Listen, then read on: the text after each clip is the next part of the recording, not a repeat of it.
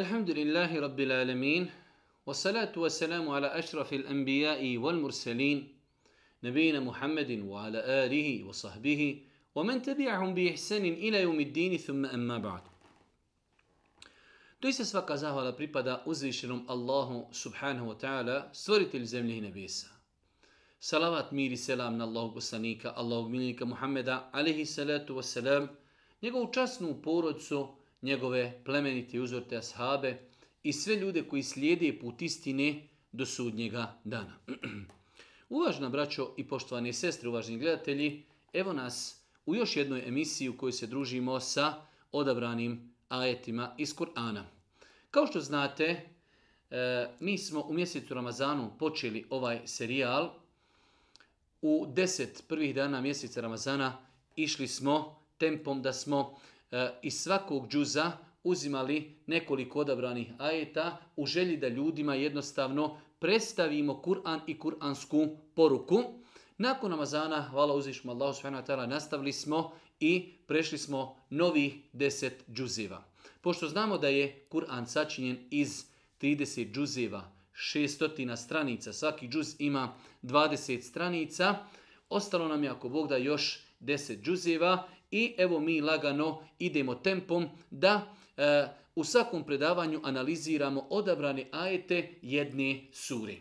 U posljednjem predavanju komentarisali smo, komentarisali smo odabrane ajete suri Es-Seđde, a večeras ako Bog da družimo se sa odabranim ajetima suri El-Ahzab, saveznici.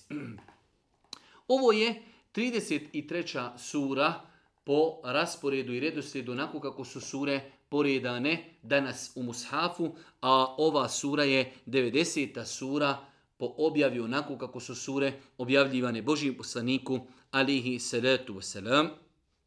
Ona je objavljena nakon sure Enfal, a nakon nje je objavljena sura El Maide.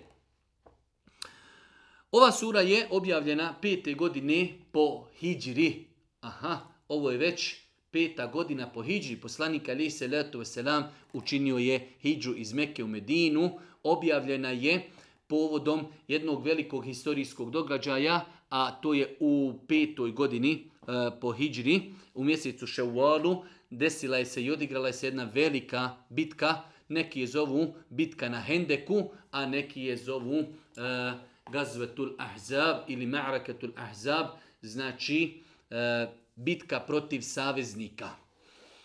E, ovaj događaj je poznat u historiji da je jedno židovsko pleme koje je živjelo u blizini Medine prekršilo ugovor sa Božim poslanikom Ali se letu selam pa ih je on protjerao pa su oni alarmirali arapska plemena na čelu sa Kurešijama da povedu neki, hajde da kažemo, e, odlučni rat i završi neki udraz da zadaju muslimanima u Medini, Lauposanik ali se letu selam e, kada je čuo za pokret, kada je čuo za pokret i okupljanje saveznika koji želi da napadnu Medinu, e, odlučio je da brani Medinu na način da će iskopati, iskopati sa e, jedni od strana Medine jer je Medina bila između dva, znači e, kao da je u jednoj manjoj dolini, s jedne i s druge strane su bili znači planinski manji, niži prijedjeli, e, putem koji se nije moglo vojno ući u Medinu, s jedne strane opet je Medina bila zaštićenima palmo, palmovicima i ostao je samo jedan izlaz iz Medine kojeg su muslimani branili na način da su iskopali jedan veliki jarak, jedan veliki hendek, jedan veliki rov preko kojeg vojska nije mogla, nije mogla prijeći. Oni su tako obsjedali Medinu, e, kao što kaže istorijski knjige, oko tri sedmice. Nakon toga uzvišeni Allah s.w.t. poslao je jake vjetrove, pomogao muslimane e, svojim vojskama, tako da su muslimani izvojevali jednu veliku pobjedu. Pa ova sura se i zove tako El Ahzab, saveznici. Saveznici koji su se borili protiv uh, muslimana koji su živjeli u to vrijeme u Medini. Ova sura je znači po konsenzusu islamskih učenjaka Mufesira objavljena u periodu Medine. E, rekli smo dosta puta da period Mekke ima svoju objavu, u smislu ima svoju objavu, jednostavno ta objava koja je objavljivana u Mekki ima svoje odlike, ima svoje osobenosti, dok objava u Medini je jednostavna, jednostavno imala jedan e, drugi metod, a to je da je više tretirala propise i ono što je muslimanima bilo potrebno nakon što su napustili Meku, nakon što su bili pod pritiskom Kurejšija u Meki, oni su otišli u Medinu, osnovali svoju državu i jednostavno tada, tada jednostavno e, e, sama objava je išla u jednom drugom pravcu.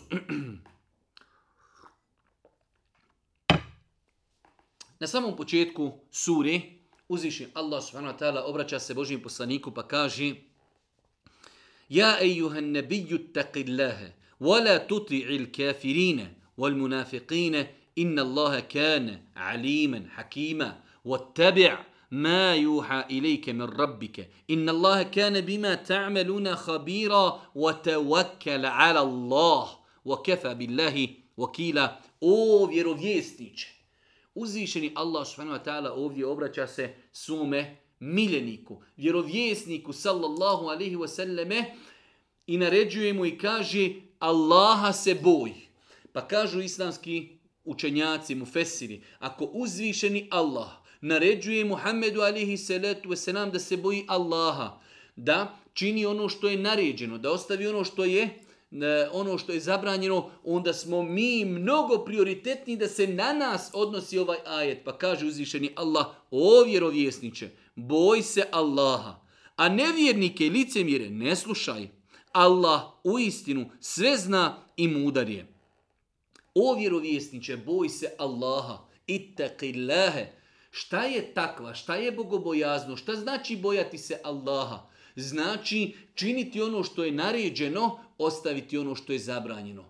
Biti pokoran toliko da čovjek između sebe i onoga što je Allah zabranio, odnosno čime mu prijeti vatri, postavi zavjesu, a ta zavjesa su njegova dobra djela. Pa kaže uzvišeni Allah, o vjerovjesniće, boj se Allaha, o vjernici, itteku rabbekum, o vjernici, bojte se Allaha i javno i tajno i pred ljudima i kada ste sami, Bojte se Allaha. Znajte da vas Allah vidi. Znajte da se vaša djeca, djela zapisuju. Znajte da ćete stroge i precizne račune na sudnjem danu polagati za sve ono što činite na dunjaluku. Kaže uzvišeni Allah u drugom ajetu i slijedi ono što ti gospodar tvoj objavljuje. Nemoj se osrtati, nemoj slušati ono što govore nevjernici i munafici, već slijedi ono što ti tvoj gospodar objavljuje. To je put uspjeha, to je put prosperiteta. O Muhammede, ne osvrći se šta govore licemiri, ne osvrći se šta govore nevjernici. Ti slijedi uputu od uzvišenog Allaha, pa kaže uzvišeni Allah i tebi'a ma juha ilike mir rabbik. Slijedi ono što ti se objavljuje od koga? Od tvoga gospodara. Pa je Kur'an objava od uzvišenog Allaha subhanahu wa ta'ala. Inna Allahe kane bima ta'me lune habira. Allah dobro zna ono što vi radite i u Allaha se pouzdaj. Wa tawakkal ala Allah. O Muhammede, ti živiš u Medini.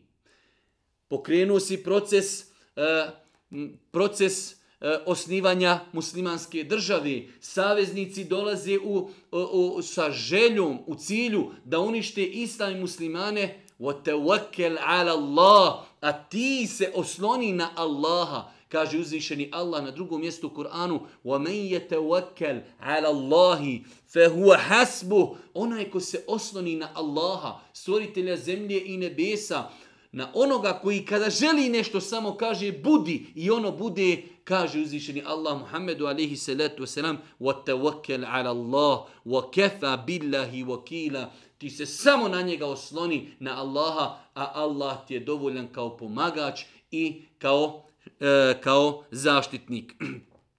pa vidimo u ovim ajetima Allah Đelšanuhu odgaja svoga poslanika, miljenika Muhammeda alihi salatu wasalam, naređuje mu da se boji Allaha, da čini ono što je naređeno, da ostavlja ono što je zabranjeno, da ne sluša šta govori nevjernici, šta govore licemjeri, već da slijedi, već da prati, da se pokorava onome što mu uzvišeni Allah s.w.t. objavljuje na tom putu da se osloni na Allaha Đelešanu, a uzvišeni Allah će mu biti dovoljan kao zaštitnik i kao pomagač.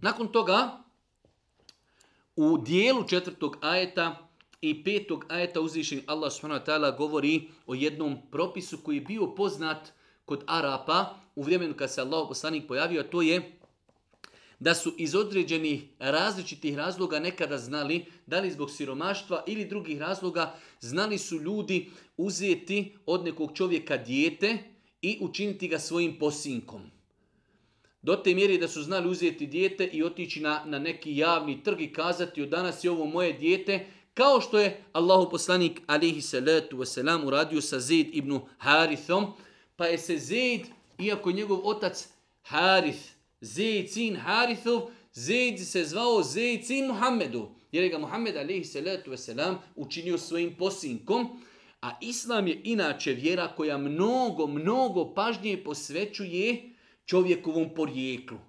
Zašto?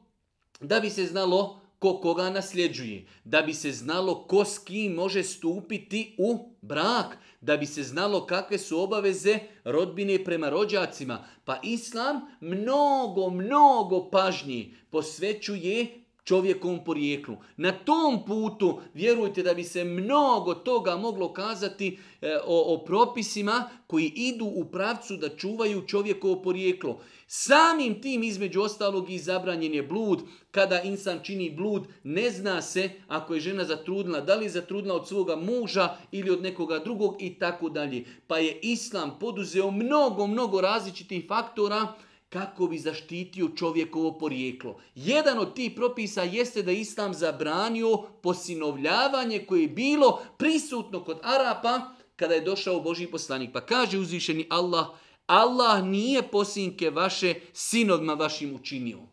To što vi nekoga zovete Zeid sin Muhammedov, nije on tvoj sin, rodila ga majka njegova od njegovog oca. Ti si njegov staratelj, ti si njegov odgajatelj, ti mu pomažeš, ti mu kupuješ, ti ga finansiraš, ali ti nisi njegov otac. Ti nisi njegov otac. Pa kaže uzvišeni Allah, Allah nije posinke vaše sinovima vašim učinio. Nije to vaš, to nije Allahov propis, to ste vi rekli. To su samo vaše riječi iz usta vaših. A Allah istinu govori i na pravi put izvodi. To je istina. To je čak na kraju krajeva toliko lahko racionalno shvatiti. Ako imamo dijete, njegovi roditelji se znaju ime i prijezime, porijeklo i nekoga uzme sebi, usvoji ga. Ne može to dijete nikako biti njegov sin ili njegova čirka.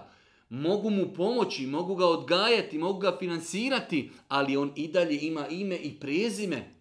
Pa kaže uzvišeni Allah, Allah nije posljednike vaše sinovima vašim učinju. To su samo vaše riječi iz usta vaših, a Allah istinu govori i na pravi put izvodi. Nakon što je Allah Žešanu zanegirao ispravnog tog postupka, daje rješenje, daje e, odgovor kako se ponašati u budućnosti. Imamo djecu koju je već neko usvojio, pa kaže uzvišeni Allah, zovite ih po očevima njihovim.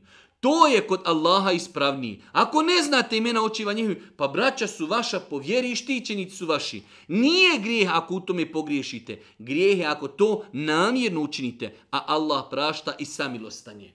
Znači, Arapi su uzimali djecu iz određenog razloga, da li čovjek je siromašan, da li ne može da finansira svoje dijete i tako dalje, ili su mu umrli roditelji kao jetim, pa su ga oni uzimali, i svojim posinkom ga smatrali do te mjere znači da jednostavno bi se smatrao kao bilo koji drugi član njihove porodice u svakom pogledu pa je islam poništio taj propis i onda je dao odgovor kaže uzvišeni Allah zovite ih po očevima njihovim Znači čovjek je sin tog i tog, ne može biti sin onoga koji ga je učinio posinkom i onoga koji ga odgaja i onoga koji ga finansira.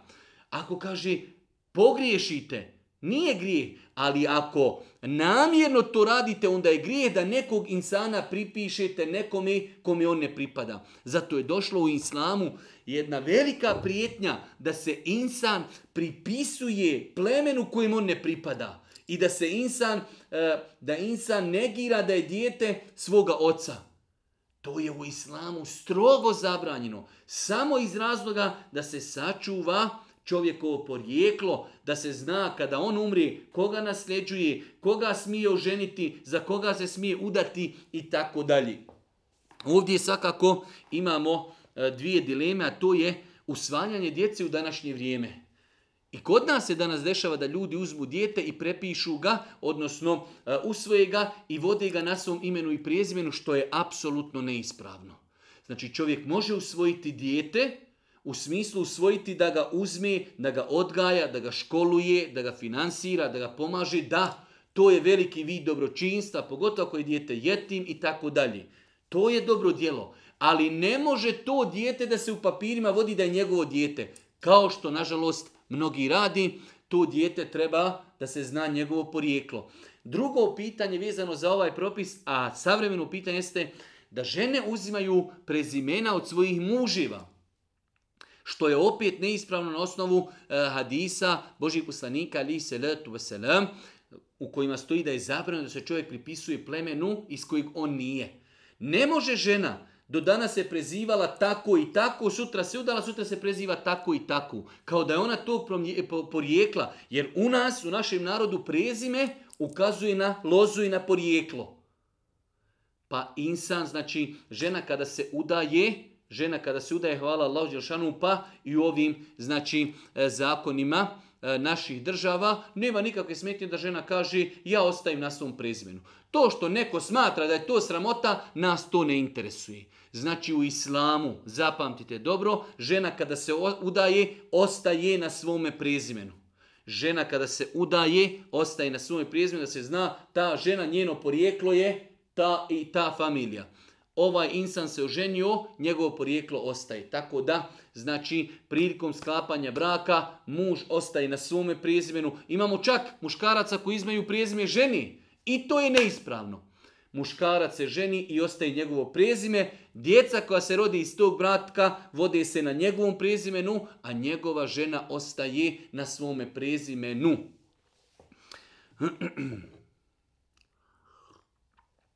Nakon toga, U šestom ajetu sure El ahzab uzvišeni Allah subhanahu wa ta'ala kaže en nebiju evla bil mu'minina min enfusihim wa azwajuhu ummehatuhum wa ulul arhami ba'dum evla bi ba'd fi kitabi kitabillah من المؤمنين والمهاجرين إلا أن تفعلوا إلى أوليائكم معروفا كان ذلك في الكتاب مستورا Vjerovjesnik treba biti preći vjernicima nego oni sami sebi. Prvo pravilo kuransko, koje opet imamo u hadisima Božih poslanika, Muhammed alihi salatu wasalam kao Božji poslanik i živ i mrtav vjernicima treba da bude preći nego oni sami sebi.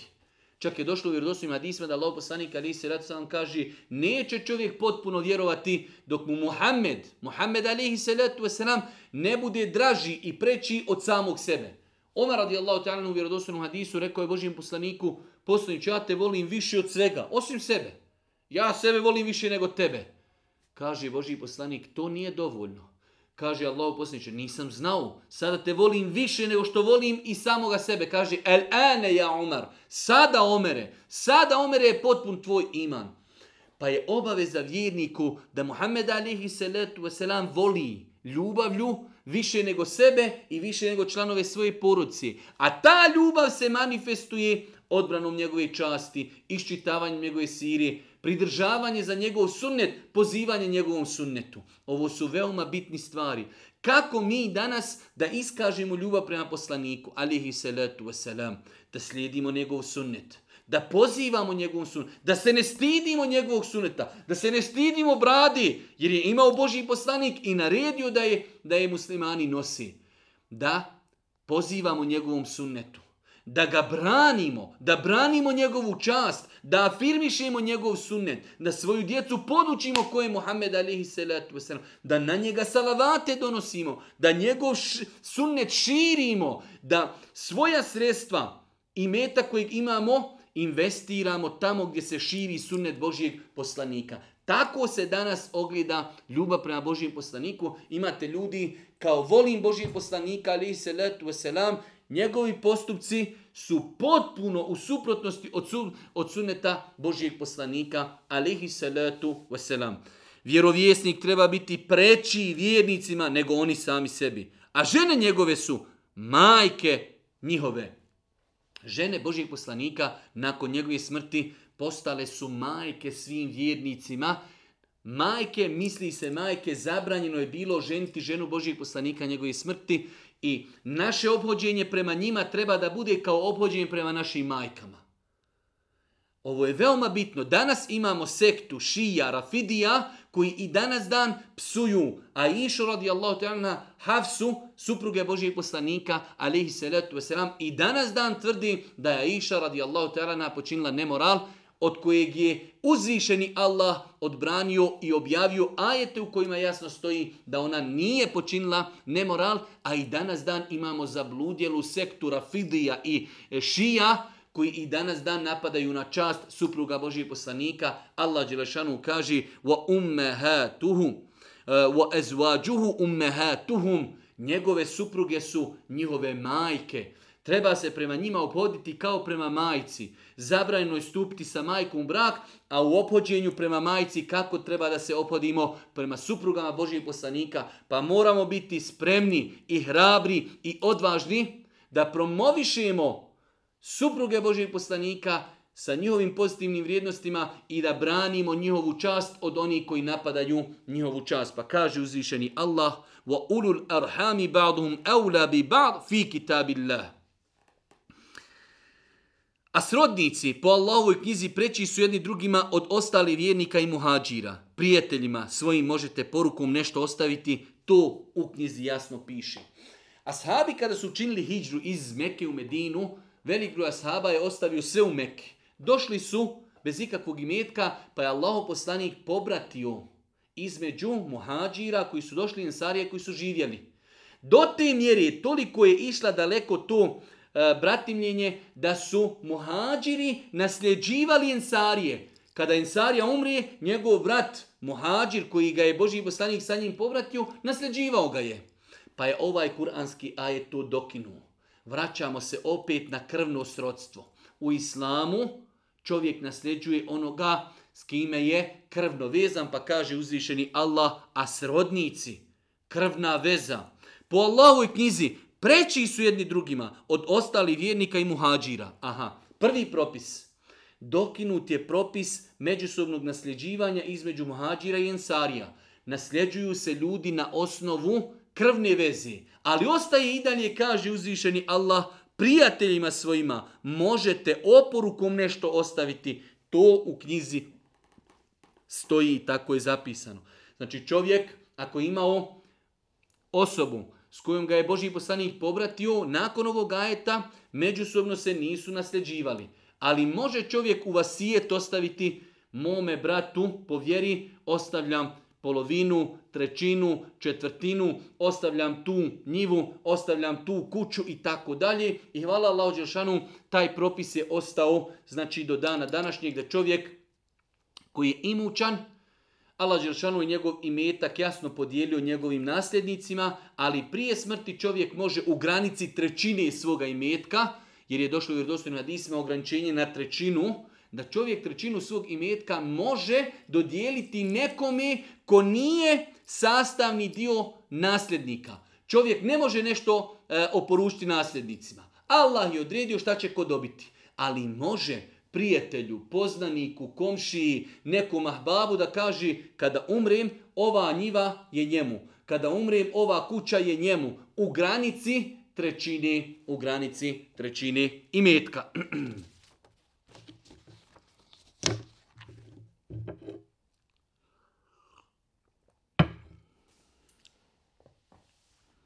Nakon toga u devetom ajetu, u devetom ajetu suri El Ahzab, uziš Allah govori o tome da je velika blagoda to što je on muslimane pomogao u borbi protiv Kurešija i ostalih plemena koja su bili, znači napravili pakt, savezništvo da se bori protiv muslimana. Pa kaže uzvišeni Allah o vjernici. Sjetite se Allahovi milosti prema vama kada su do vas vojske došle pa smo mi protiv njih vjetar poslali, a i vojske koje vi niste vidjeli, a Allah dobro vidi šta vi radite. Prva stvar Allah ljudima napominje, o vjernici, sjetite se, nemojte zaboraviti, to je velika blagodat, došli su vam, došli su vam e, saveznici, jedni ispred vas koji su došli iz pravca Mekke, a iza vas ste imali židovska plemena koja su pronevjerila ugovor s vama, pa su muslimani bili u jednom sendviću. Ali je Allah pomogao muslimane.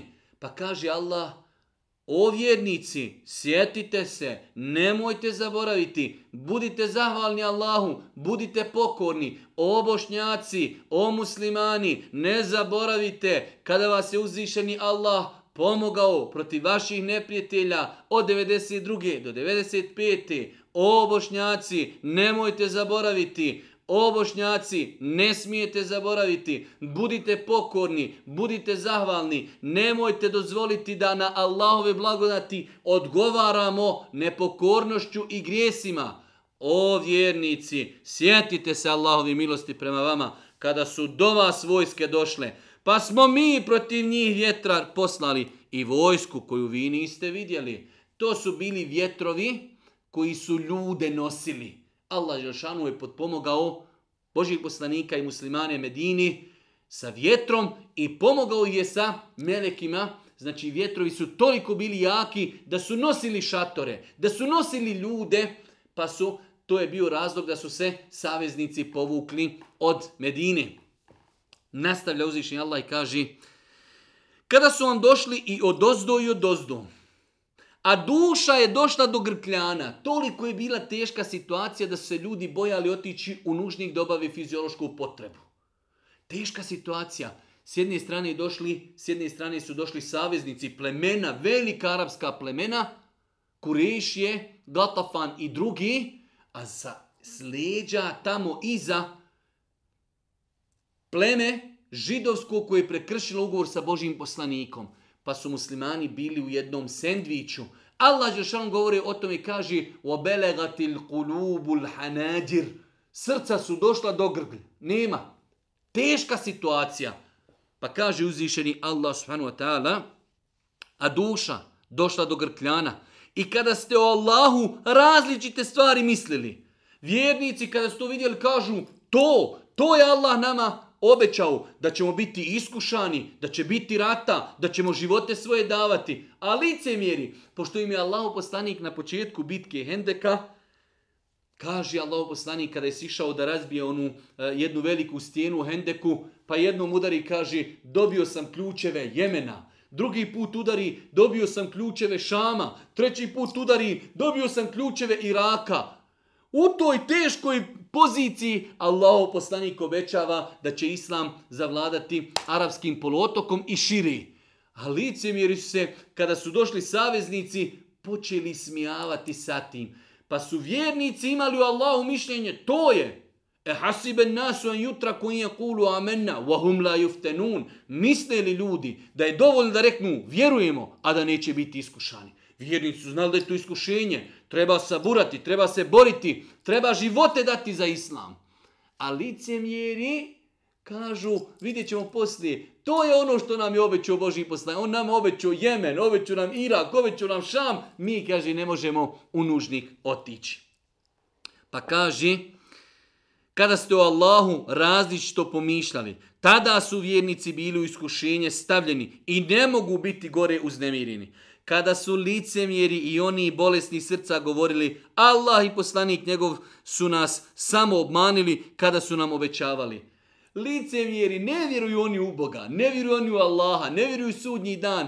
Kaže Allah i njegov poslanik, ma oni su nam lagali, oni su nas obmanili da će muslimani nekada zavladati Jemenom, Šamom, Irakom, a sve se to, elhamdulillah, desilo, jer je to rekao onaj koji ne govori po hiru svome. Pa vidimo ovdje uzvišenje Allah subhanahu wa ta'ala opisuje jednu veoma tešku situaciju u kojoj su se našli muslimani, napominje ih da je on taj koji ih je pomogao u teškom momentu, zato muslimani iz svega ovoga uče veliki ders, vezivat se za uzvišenog Allaha, svoje srce vezivati za Allaha u teškim momentima, on je taj koji muslimane pomogao na bedru i on je taj koji pomogao muslimane na uh, uh, Hendeku i on je taj koji pomogao muslimane na Huneinu i tako dalje. Čovjek treba svojim srcem da se vezuje za Allaha, da dunjalučki pouzme i poduzme sve što može, a nakon toga da se vezuje za uzvišenog Allaha subhanahu wa ta'ala.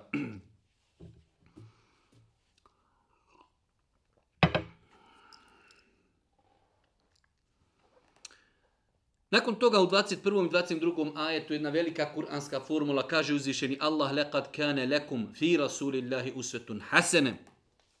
Vi u Allahom poslaniku imate divan uzor za onoga koji se nada Allahoj milosti i nagrad na onome svijetu i koji često Allah spominje. Jedno veliko kuransko pravilo, vi u Allahom poslaniku imate divan uzor. Ko? Oni koji vjeruju u Allaha, vjeruju u poslanika, vjeruju u sudnji dan, Njima je poslanik uzor u svemu. Obhođenje prema djeci, supruzi, komšijama, prijateljima, poznanj. U svemu je Muhammed alihi salatu wasalam uzor. Svi mi, bez obzira ko bili, imamo uzor u Muhammedu alihi salatu wasalam. A taj uzor nam je odabrao uzvišeni Allah pa kaže vi u Allahom poslaniku imate divan uzor za onoga koji koji se nada Allahovoj milosti i nagrade na onome svijetu i koji često Allah spominje. A kada su vjernici saveznike ugledali, rekli su, ovo je ono što su nam Allah i poslanik njegov obećali. I Allah i poslanik njegov su istinu govorili i to im je samo povećalo njihovo vjerovanje i njihovu predanost. Pogledajte kako na istu stvar gledaju različiti ljudi poslanik alihi salatu wasalam ljudima obećava da će osvojiti Jemen, Irak, Šam. Kada je došlo gusto, licemiri sumljaju, u njihovim srcima ima sumlja. Vjernici kažu ne, to je ono što nam je poslanik obećao. On nam je obećao da ćemo imati iskušenja, da ćemo biti iskušani, da se vidi ko je iskren, a ko je licemir, da se vidi ko je pokoran, a ko je nepokoran. I to im kaže, bez obzira što je teška situacija, duša došla do grkljana, s obje strane pritisnuti u sendviću, kaže, to im je povećalo iman. Ojačalo im je iman, iako je bila teška situacija. Pa vjernik u svakoj situaciji izlazi jači, bolji. Zašto? Jer vjeruje da je uzvišen Allah taj koji daje ljudima iskušenja da se vidi kako će se ko, kako će se ko ponašati.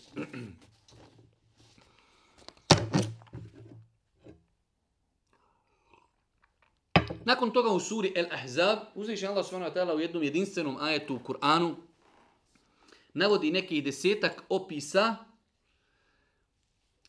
njegovih pokornih robova, kojima je on obećao velike nagrade. Pa da vidimo koji su to opisi. Kaže uzvišeni Allah muslimanima i muslimankama. A nakon toga kaže vol mu'minina vol mu'minat i vjernicama, mu'minkama i mu'minima, muškarcima. Inače je pravilo u islamu riječ islam i iman, ako dođu zajedno, ako dođu zajedno, tada islam se odnosi na vanjštinu. A iman je ono što je u srcu. Ako se te dvije riječi spominju odvojeno, tada svaka od njih obuhvata i islam i iman. U ovom slučaju kaže uzvišeni Allah muslimanima i muslimankama. To je oni koji vanjštinom kažu da su muslimani. Praktikuju nama, zekijat, post i žene i muškarci. I mu'minkama i mu'minima, to su oni koji vjeruju u uzvišenog Allaha. I poslušnim muškarcima i poslušnim ženama. I iskrenim muškarcima i iskrenim ženama. I strpljivim muškarcima i strpljivim ženama. I poniznim i skrušenim muškarcima i poniznim ženama. I muškarcima koji dijele zekjat i ženama koji dijele zekjat i muškarcima koji poste i ženama koji poste i muškarcima koji o svojim stidnim mjestima vode brigu i ženama koji o svojim stidnim mjestima vode brigu i muškarcima koji često spominju Allaha i ženama koji često spominju Allaha Allah je doista za sve njih oprosti veliku nagradu pripremio. Allah je za sve njih oprost i veliku nagradu pripremio. Zato e, ovaj ajet je jedan ajet e, koji zaslužuje da se kod njega insan zaustavi, da ponovi ova svojstva, da vidi gdje smo mi u svemu tomi. Musliman, mu'min, poslušan, pokuran Allahu i muškarac i žena, iskren i muškarac i žena, strpljiv na iskušenjima, ponizan i skrušen Allahu, muškarac i žena koji dijele zekjat, muškarac i žena koji postije, muškarac i žena koji pazi na stidna mjesta svoga tijela, muškarac i žena koji mnogo Allaha i često spominju, Allah je za takvi sve njih oprost i veliku nagradu pripremio. Nakon toga u 36. ajetu Allah Žešan kaže kada Allah i poslanik njegov nešto odredi, onda ni vjernik ni vjernica nemaju pravo po svome nahođenju postupiti. A ko Allaha i njegova poslanika ne posluša, ta je sigurno skrinu s pravog puta. Jedno veliko kuransko pravilo, a to je pravi vjernik i prava vjernica, njima samo treba kazati propis. Njih treba samo podučiti. Vjernik može nešto ne znati, ali kada sazna, on samo kaže čuli smo i pokoravamo se. Pa Allah Žešan kaže kada uzvišeni Allah nešto naredi i propiši, ni vjernik, ni vjernica, Nemaju više odabira, nema mogućnosti da po svome nahođenju nastupaju i postupaju. Oni mogu samo se pokoriti uzvišenom Allahu. Dobro, a šta će biti sa onima koji to ne urade, kaže uzvišeni Allah. Ako Allaha i njegova poslanika ne posluša, ta je sigurno skrenuo s pravog, s pravog puta. وَمَنْ يَعْسِ اللَّهَ وَرَسُولَهُ فَقَدْ دَلَّ دَلَالًا مُبِينًا Onaj ko bude nepokuran Allahu i poslaniku, otišao je u jasni dolalet, skrenuo je s pravog puta. Pa ovo je jedna velika kuranska formula. Put uspjeha je put pokornosti. Vjernik i vjernica, kada čuju propis, samo kažu, čuli smo, pokoravamo se, do sad nismo znali, sada znamo i to prihvatamo. Onaj ko bude nepokuran Allahu i njegovom poslaniku, ta je krenuo putem pravog dalaleta i pravu i pravi zabludi.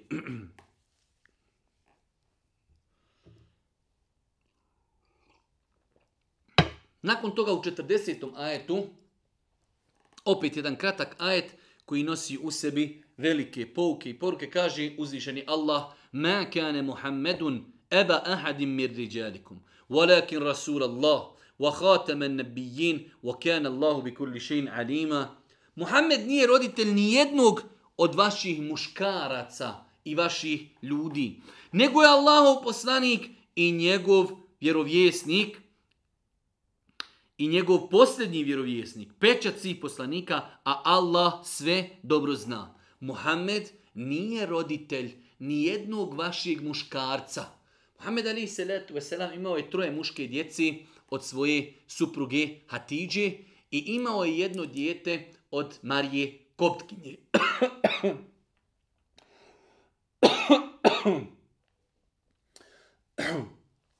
Ali sva ta njegova djeca umrla su znači u ranom djetinstvu.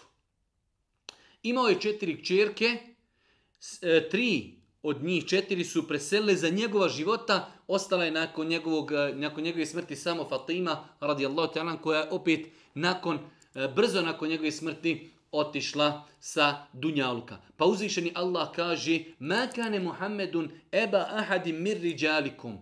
Muhammed nije otac nijednog od vas muškaraca.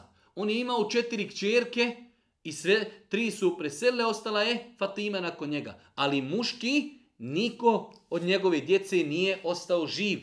Imao je četvero muške djece i sva su ona preselila prije nego što su znači dostigla punoljetstvo. Pa kaže uzvišeni Allah, Muhammed nije roditelj ni jednog od vaših ljudi, muškaraca, nego je Allah poslanik i posljednji vjerovjesnik. On je Allahu poslanik i on je hatemen nebijin, On je pečat svih poslanika. Ovaj ajet jasno ukazuje da nakon Božih poslanika, alihi salatu wasalam, nema više poslanika. Svi oni koji dođu nakon Muhammeda, alihi salam, i kažu da su poslanici, oni su lažljivci. Došlo je više vjerodosti hadisa u kojima Allah poslani nagovijestio da će dolaziti ljudi koji će za sebe tvrditi da su poslanici. Svi su oni lažljivci. Osim Isa, alihi salatu wasalam, koji će pred sudnji dan biti spušten, bit će spušten jer ga je uzvišeni Allah uzdigao, Isa alaihi salatu wasalam nije razapet niti ubijen. Wama qataluhu wama salabuhu, kaže uzvišeni Allah, niti su ga ubili, niti su ga razapeli. Walakin shubbiha lahum, ali im je se pričinilo uzvišeni Allah subhanahu wa ta'ala ga je uzdigao kod sebe i bit će spušten pred sudnji dan, ali on će raditi, postupati, ponašati se po šerijatu, po zakonu, po, po e, objavi Muhammeda alihi salatu wasalam. Zato se on ne smatra novi poslanik, posljednji poslanik, poslan cijelom čovječanstvu je Muhammed alihi salatu wasalam.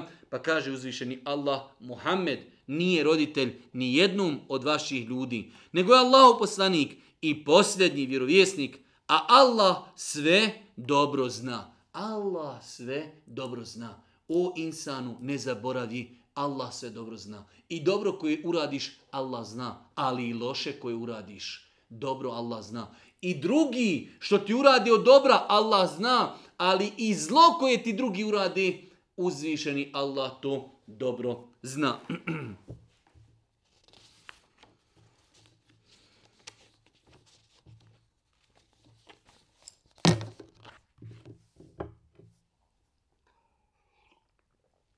Nakon toga 45. i 6. sedmi ajet kaže uzvišeni Allah Ja ejuhan nebiju inna arsalnake šahiden u mubešironu nadhira wa da'ijan ila Allahi bi iznihi wa sirađen munira O vjerovjesniće, mi smo te poslali kao svjedoka i mi smo te poslali kao donosioca radosnih vijesti i kao poslanika koji opominje da po njegovom Allahovom naređenju pozivaš k Allahu i kao svjetiljka koja sija. Allahu ekber. U ovom ajetu nam uzvišeni Allah jasno pojašnjava šta je bila zadaća i kako i na koji način je pozivao Muhammed alihi salatu wasalam. Pa kaže, inna arsalnake šahiden mu beširan u anedhira. Ti si donosio radnoste vijesni, ali si upozoravao. Pa je to metod pozivanja ljudi u jednom momentu čovjek zastrašuje ljude. Junezirhum. Ljudi, pazite, džehennem, patnja, čuvajte se. Ali isto tako, čovjek donosi radosne vijesti. Onaj ko bude pokoran, očekuje ga oprost, očekuje ga džennet, uživanje, džennetske ljepotice i tako dalje. Inna arselnake šahiden, wa mubeširan, wa nedhira, o vjerovjesnice. Vjerovjesniče, mi smo te poslali kao sjedoka i onoga koji donosi radosne vijesti i onoga koji opominje da po njegovom naređenju, naređenju uzvišenog Allaha, Da'ijen ila Allah, da pozivaš Allahu, bi iznihi sa njegovom dozvolom, wasirađen munira, ti si svjetiljka koja obasjava. Kažu mu Fesini, toliko je jasna istina s kojom si ti došao da je to kao jedna velika svjetiljka. Ti si Mohamede svjetiljka svima onima koji hoće put istini. Nećeš put istini. Hoćeš dalalet, hoćeš zabludu, hoćeš grijehe, hoćeš nemoral, hoćeš mrak, hoćeš tamu, hoćeš nesreću. Eto ti, bujrum. Muhammed alihi salatu wasalam, njegov sunnet i njegova objava Kur'an, to je jedna velika baklja koja može jedina spasiti čovječanstvo iz propasti putem koje ide čovječanstvo osirađen, munira, ti si Muhammede, velika svjetiljka koja ljudima koji vjeruju, hoće istinu, osvjetljava im put i dunjaluka i dunjalučkog uspjeha. Pa kaže, pozivaš, e, po njegovom naređenju, pozivaš k Allahu i kao svjetiljka koja sija. Allahu, poslanik je pozivao Allahu. I danas, muslimani, ako želi uspjeh, mogu postići uspjeh onda kada pozivaju Allahu. Ničemu drugom, nikakvim nekim drugim podjelama, političkim, e, nacionalnim, rasnim, ekonomskim, e, ništa pozivanje uzvišenom Allahu subhanahu wa ta'ala i vjeri i vjeri islamu. I obraduj vjernike da će Allah na njih veliku milost prosuti. A ne slušaj nevjernike i licemire. A ne, E, a na uvrede njihove pažnju ne obraćaj. I u Allaha se pouzdaj, Allah je dovoljan kao zaštitnik. I obraduj vjernike. Dosta puta u Kur'anu Allah kaže, obraduj vjernike. O vi koji vjerujete, vi koji klanjate, vi koji postite, obradujte se. Vas čeka nagrada, milost, rahmet, oprost, uživanje. Pa kaže uzvišeni Allah i obraduj vjernike da će Allah na njih veliku milost prosuti. A ne slušaj nevjernike i licemire. I na uvrede njihove pažnju ne obraćaj. I u Allaha se pouzdaj. Allah je dovoljan kao zaštitnik.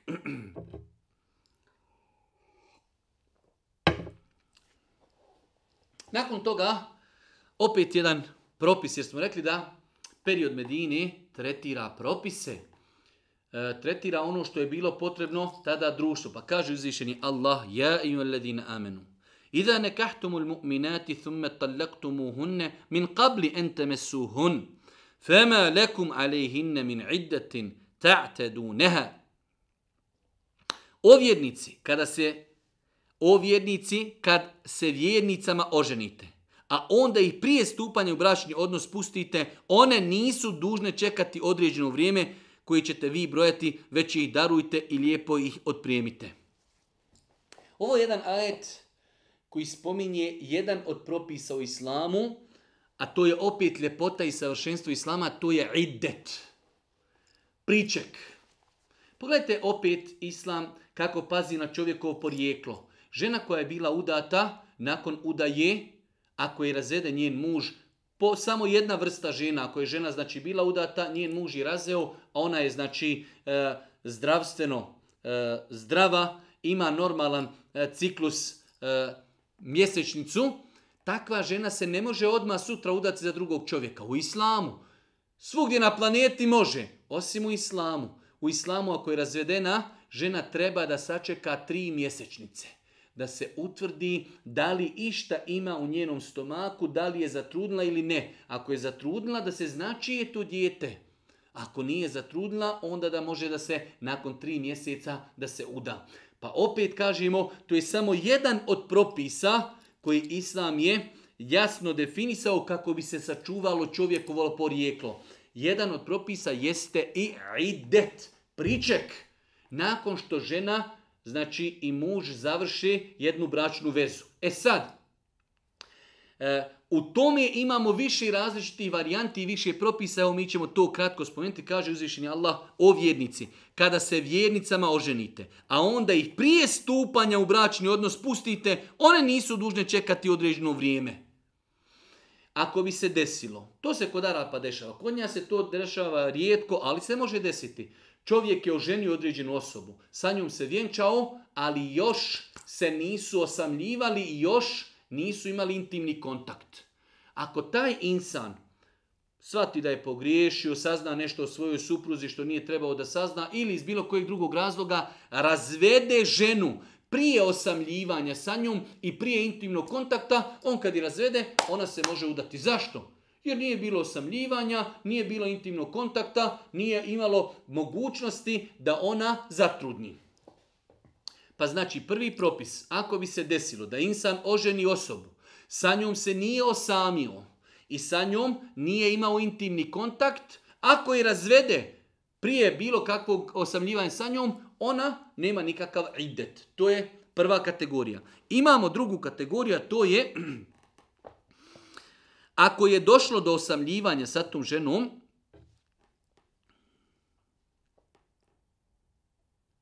ako je došlo sa osamljivanja sa tom ženom ili ako je sa njom imao intimni kontakt, onda ta žena ima svoj priček. Onda ta žena ima svoj priček. Što se tiče žene hudovici, žena čiji muž je umro, ona može biti u dvije varijante. Žena hudovica može biti da je trudna i da nije trudna.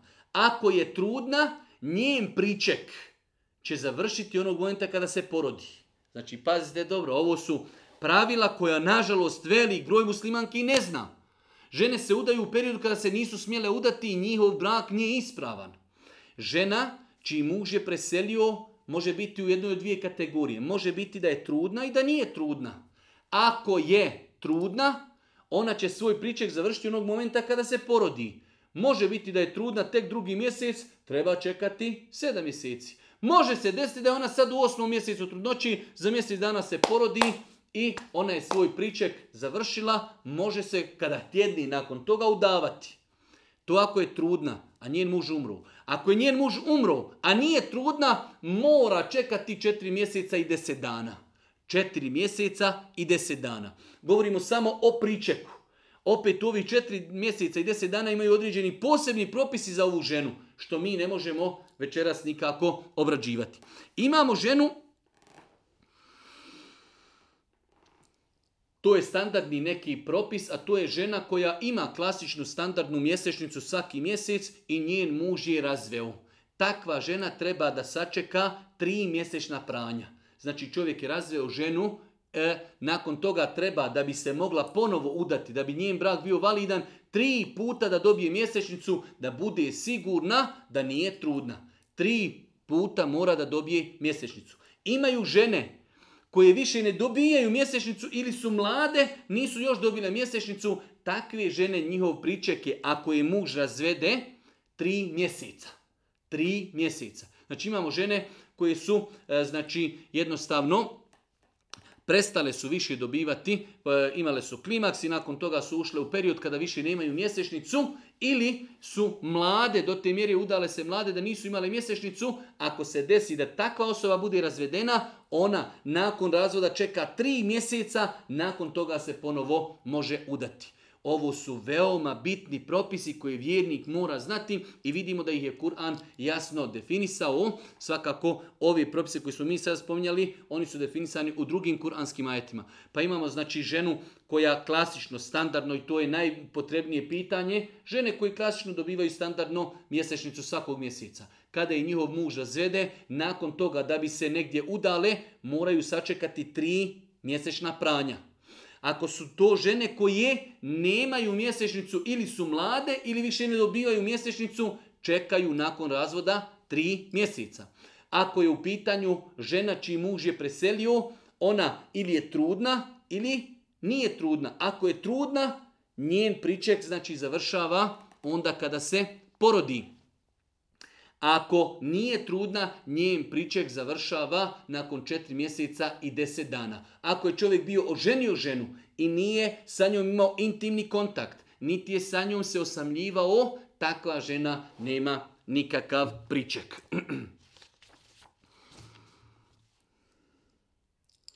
Ostalo nam je još nekoliko ajeta, ali evo pokušat ćemo, ako Bog da, da to privedemo kraju. Kaže uzvišeni Allah subhanu wa ta'ala u 56. ajetu, najpoznati ajet kojeg slušamo svakog petka na džumama, inna Allahe wa mela iketehu yusalluna ale nebij, ja i uledi namenu, sallu alehi, usallimu teslima, Allah i meleki njegovi blagosiljaju i selame i salavate na vjerovjesnika donosi. O vjernici, i vi donosite na njega salavate i šaljite mu pozdrave i selame.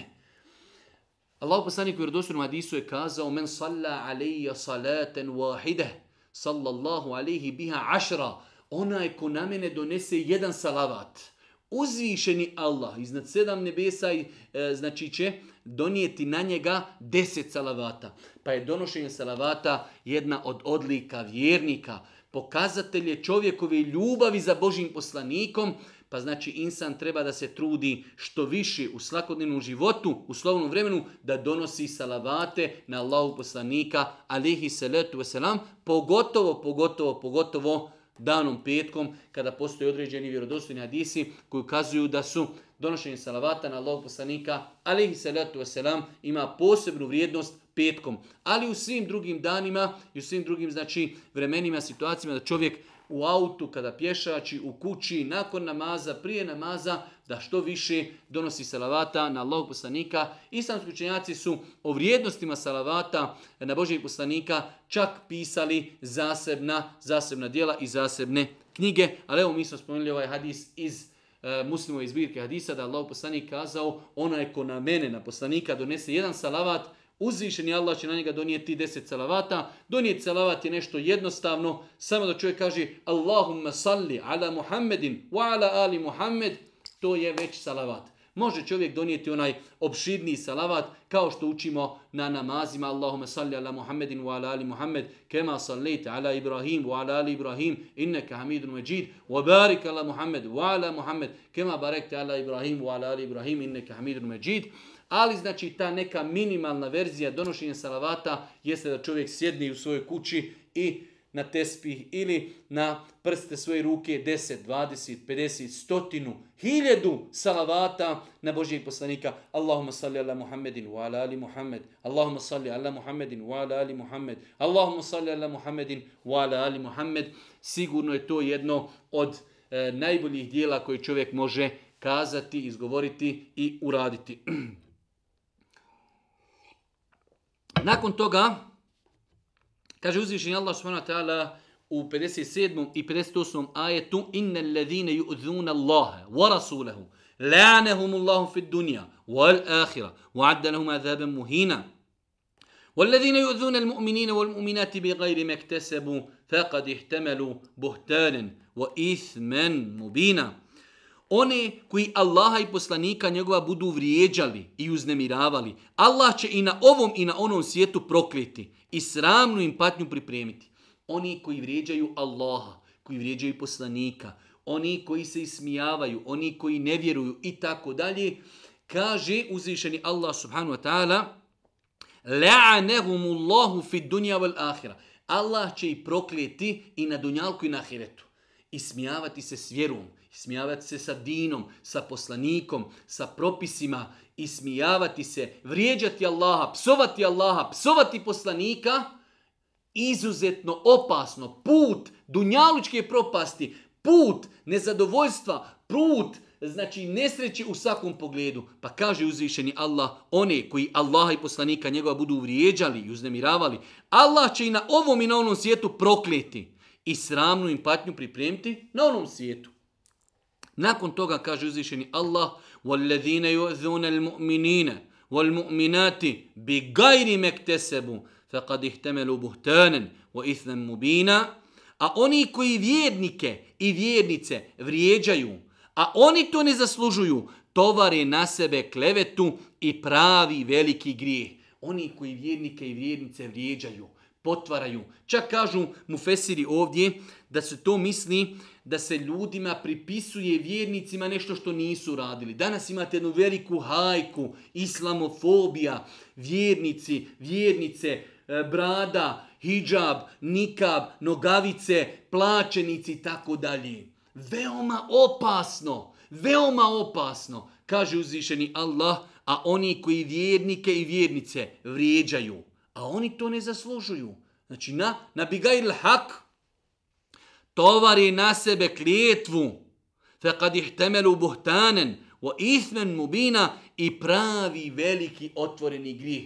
Pa se insan treba čuvati, treba se paziti da ne bude povodljiv za medijima, za štampom, islamofobijom, zapadom i tako dalje. Čuvati svoj jezik, da ne bi uvrijedio koga, kakvog vjernika, kakvu vjernicu, da ih ne bi potvorio i tako dalje, kako se ne bi na njega odnosila ova, ova prijetnja. I zadnji evo ajet, kaže uzvišeni Allah subhanu wa ta'ala u 59. ajetu, Ja ejuhan nebiju, kul li ezvađike, u obenatike, u nisa il mu'minin, judnina alihinne min djela bibihin, dhalik edna ju'rafn, fela ju'zejn, وَكَانَ اللَّهُ غَفُورًا رَحِيمًا O vjerovjesniće, reci ženama svojim i kćerima svojim i ženama vjernika neka spuste haljine svoje niza se.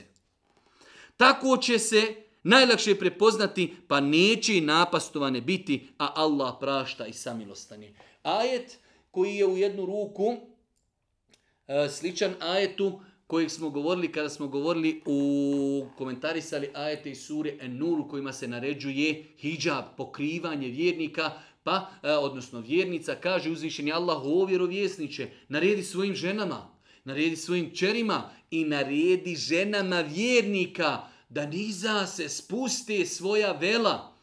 U pogledu tumačenja ovoga, znači postoji različiti neki tefsiri, ali generalno se odnosi neka se žene pokriju, neka pokriju svoje avrete kada izlaze na cestu, kada izlaze na ulicu, potome će one biti prepoznatljive, neće ih ljudi napastovati i tako dalje. Hvala uzvišenom Allahu subhanahu wa ta'ala i danas u velikom broju slučajeva žena kada iziđe na ulicu u hijabu, lijepo pokrivena, ljudi imaju izuzetno velik respekt, prema ženi koja je pokrivena onako kako se od nje traži. Pa ovaj ajet je jedan od ajeta u kojima se naređuje ženama kada izlaze iz svoje kuće da budu pokrivene. Znači rekli smo da maksimalno što su islamski učenjaci dozvolili da žena prilikom izlaska iz kuće može otkriti znači šake, šake i može otkriti lice po dijelu islamskog učenjaka, dok je bilo učenjaka koji su kazali kada nastupe vremena smutnje, vremena izazova, vremena kada se ljudi ne boje Boga,